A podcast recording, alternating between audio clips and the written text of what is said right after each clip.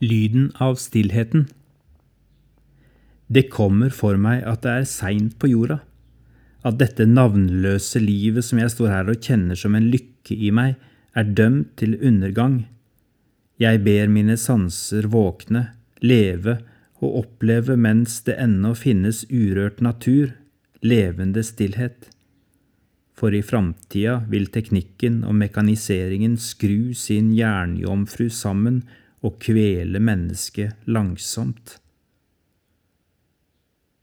Det er en dyster profeti tømmerhoggeren og dikteren Hans Børli fra Eidskog tegner i disse ordene fra 1973. Jeg ble født det året. Hvordan gikk det?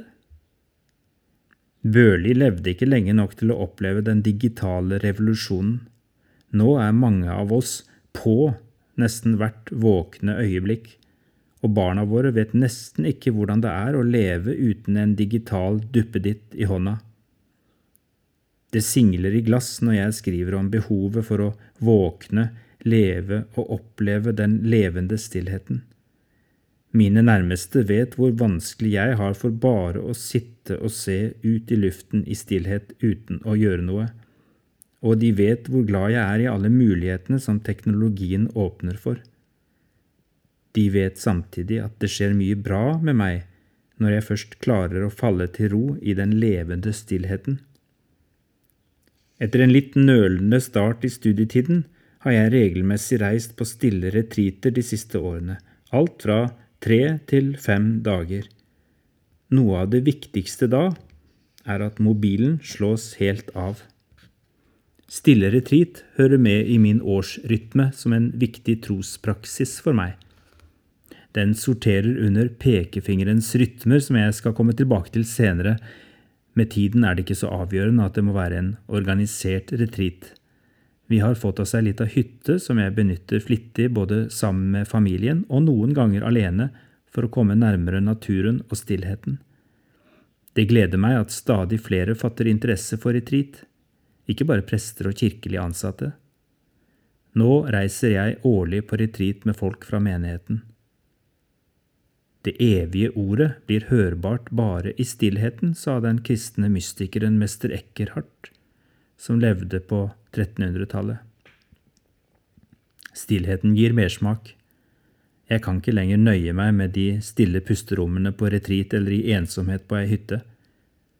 Hvordan finner jeg små pusterom for den skapende stillheten og avkoblingen også i hverdagen? Jeg skjønner at jeg er desperat avhengig av den for at jeg ikke skal kveles langsomt, som Børli sier.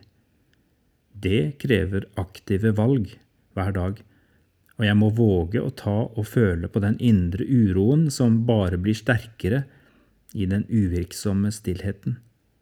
Noen ganger tar det kortere tid, andre ganger lengre tid å falle helt til ro. Men når jeg først er der, merker jeg gleden over å være til stede i øyeblikket og sammen med Gud.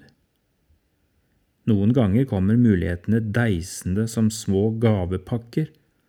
Det kan for eksempel være i bilen til og fra en avtale. Plutselig er det litt tid til overs før avtalen, eller jeg må vente noen minutter på den som skal hentes. Da kan jeg ta imot det lille pusterommet av stillhet som en gave fra Gud istedenfor å irritere meg over at jeg må vente. Det er et aktivt valg. Ordenes bakgrunn er stillhet. Ordene flyter på stillheten, lik lauvbar blåst ut i et høststille kjenn, der bjørka står oppi åsen med nakne, svarte greiner risset i himmelen. Hans Børli lavmælt samtale. Hvilket forhold har du til stillhet? Hvis du ser på uvirksom stillhet som et nødvendig gode for deg, hvor mye stillhet har du på en vanlig hverdag i dag?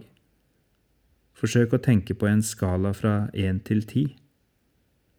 Hva kan du konkret gjøre for å komme minst ett trinn opp på skalaen i hverdagen din?